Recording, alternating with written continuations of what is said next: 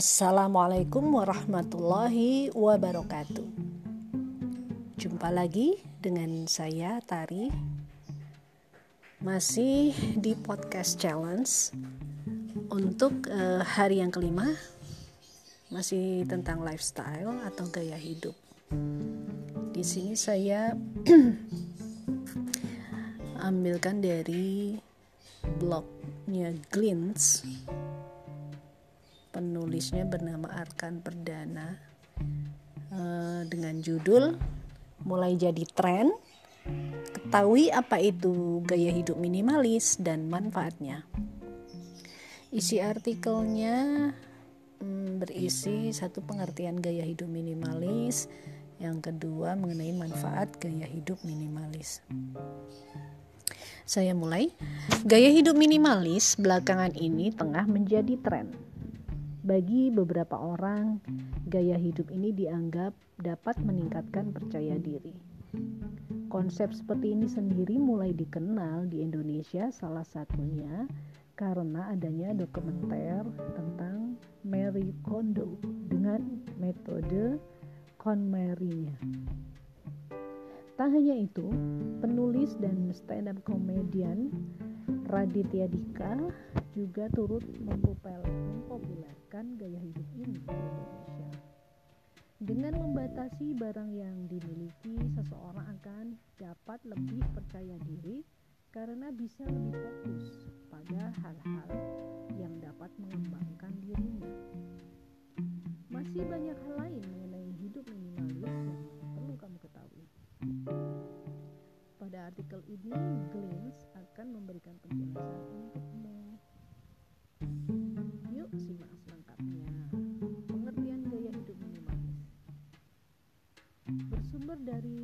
Dari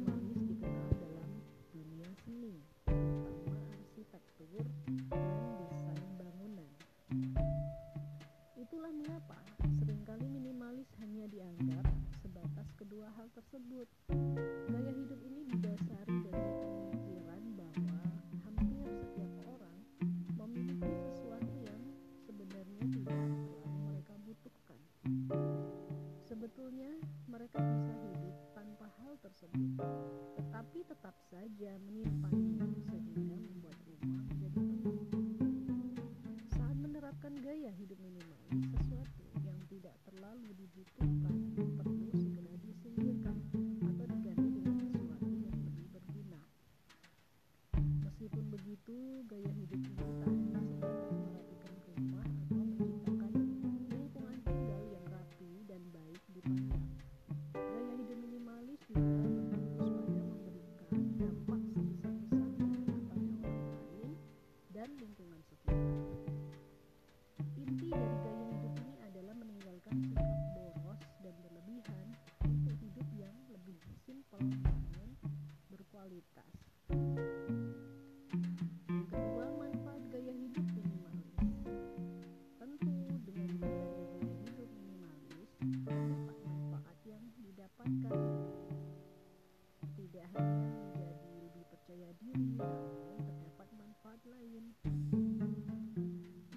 Dari Lifehack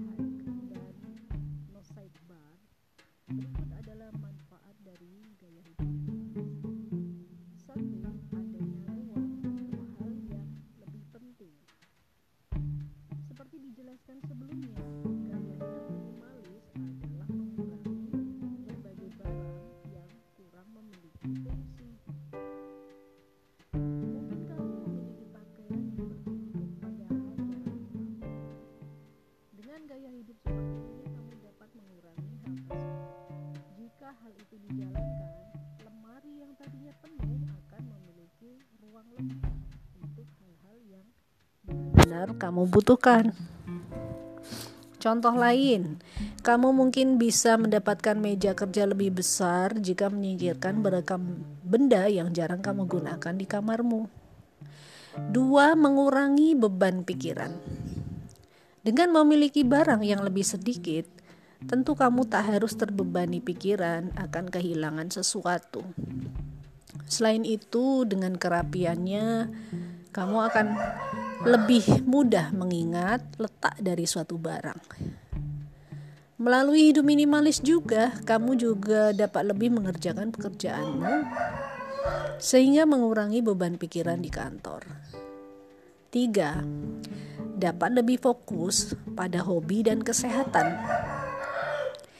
Tak hanya tentang barang, gaya hidup ini juga berarti memanfaatkan sebaik-baiknya apa yang kamu miliki, termasuk waktu. Secara tidak sadar, mungkin kamu telah menghabiskan banyak waktu untuk hal-hal yang kurang bermanfaat. Dengan mengurangi itu, kamu dapat lebih fokus mendalami hobimu. Selain itu, kamu juga punya waktu lebih untuk berolahraga. 4 mengurangi ambisi akan hal material. Uang memang tidak bisa membeli kebahagiaan. Meski begitu, dengan uang kamu dapat membeli hal-hal yang lebih membuatmu nyaman. Kamu dapat memiliki pakaian yang paling nyaman untukmu, tempat tidur, dan sebagainya. Kenyamanan yang sudah kamu capai ini akan membuat dirimu merasa cukup sehingga tidak ada ambisi berlebih untuk memiliki hal-hal material lainnya. 5. Menghemat lebih banyak. Meskipun begitu, perlu menjadi catatan bahwa hidup minimalis bukan berarti biaya yang dikeluarkan minimal juga. Justru karena berfokus pada barang yang memiliki fungsi maksimal, biasanya banyak yang dikeluarkan akan lebih banyak. Biaya yang dikeluarkan akan lebih banyak. Namun, biaya banyak yang kamu keluarkan itu tidak berlangsung terus-menerus. Karena barang yang kamu miliki fungsional, nyaman, dan cenderung dapat tahan lama. Dengan ini, dalam perhitungan jangka panjang, pengeluaran akan lebih hemat.